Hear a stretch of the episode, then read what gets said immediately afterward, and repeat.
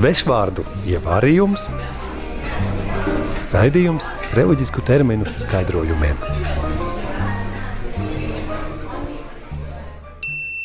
Šodienas burts ir Burts, k, kanonizācija, no grieķu valodas kanona, modelis, paraugs.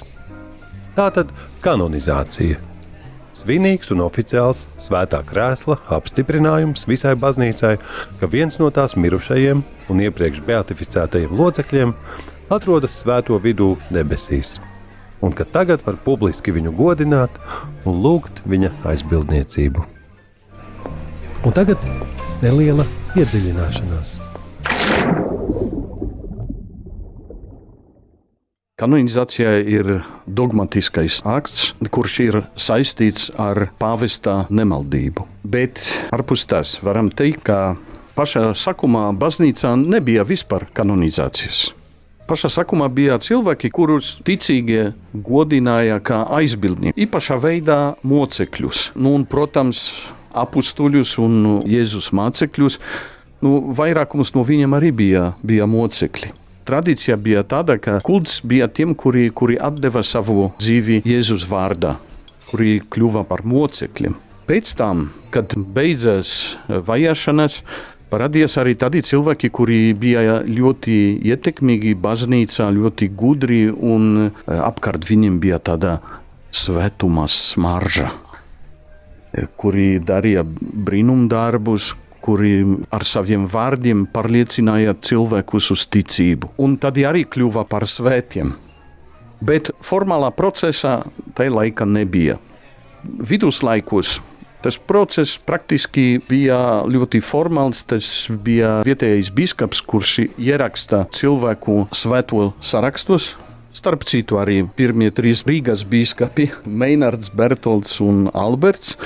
Bet tā bija tikai lokālā līmenī varam it kā salīdzināt ar, mūsu laiku beatifikāciju. No 1234. gada tāda kanonizācija bija vajadzīga vai nepieciešama tāda speciāla vēstule, pāvesta vēstule, kura, ar kuru ierakstīja šo svētu sarakstus.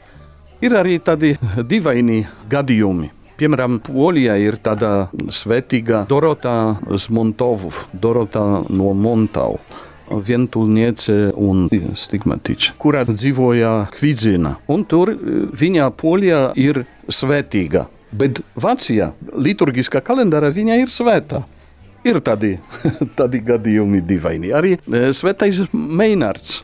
Nepalika daudz materiālu, daudz avotu, un praktiski kults tika iznīcināts. Tomēr tā vēsturiskā atmiņa atjaunojas pēc tam, un pāvests Jānis Pāvils II ierakstīja to svēto Meinārdu oficiāli svētu sārakstos. Kanonizācijas procesā var izšķirt piecus tādus punktus. Pirmkārt, persona tiek iekļauta kanonā, tad atzīta svēto sarakstā. Tāpat kā Meinārds arī tika ierakstīts svēto sarakstā.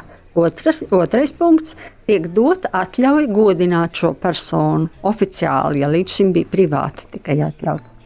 Trešais personai tiek piešķirti liturģiskie svētki. Ir svētki, kad mēs godinam attiecīgo personu, piemiņas dienas liturģijā, kalendārā.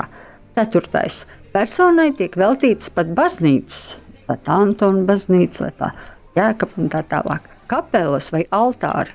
Un piektais tiek atzīts šīs personas aizlūguma spēks Dieva priekšā, kas tiek apstiprināts arī ar brīnumiem. Kanonizācija notiek Svētā Pētera bazilikā Vatikānā. Ceremonija norises svētās misijas ietvaros. To vada kanonisko jeb svēto ritu kongregācijas prefekts vai arī pāvesta nozīmēts delegāts no svētīgā dzimtenes. Tiek atklāts svinīgi svētā attēls. Tiek lasīts dekrēts. Tad skan himna Te Deum Dievs, mēs tevi slavējam. Pēc tam svētīgā relikvijas. Relikvijas vēlāk tiek liktas altāros. Tas, kas ir svarīgs kanonizācijām un beatifikācijām, ir relikvijas. Relikvijas tas ir tas, kas palika pēc svētīga vai svētā cilvēka ķermeņa vai dažādām lietām. Un ir tāda tiešā veidā relikvijas, tas ir nu, kauli, kauli vai ķermeņa daļas.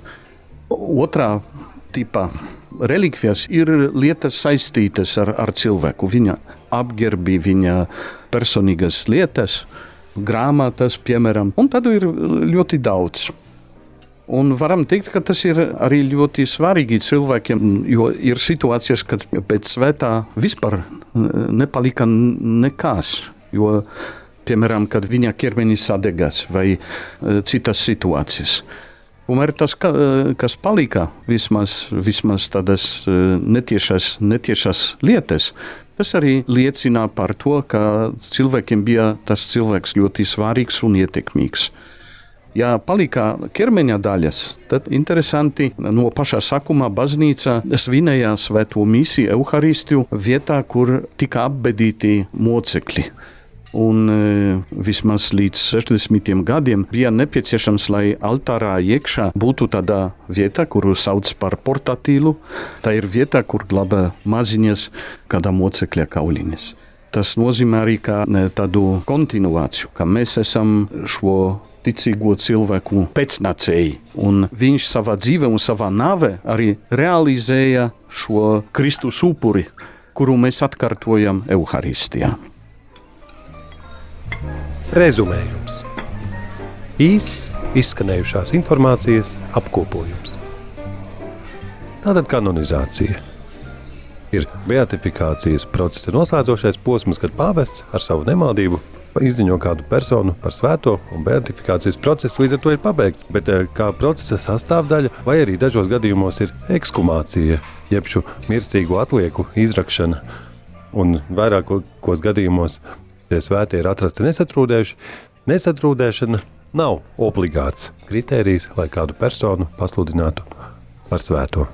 Savukārt, ekskumācijas, jeb mirstīgo atlieku izrakšanas rezultātā iegūtās relikvijas, gan vēl ar vienu tiek izstādītas un izvadātas pēc pasaules draugiem, ticīgajiem to godināšanai.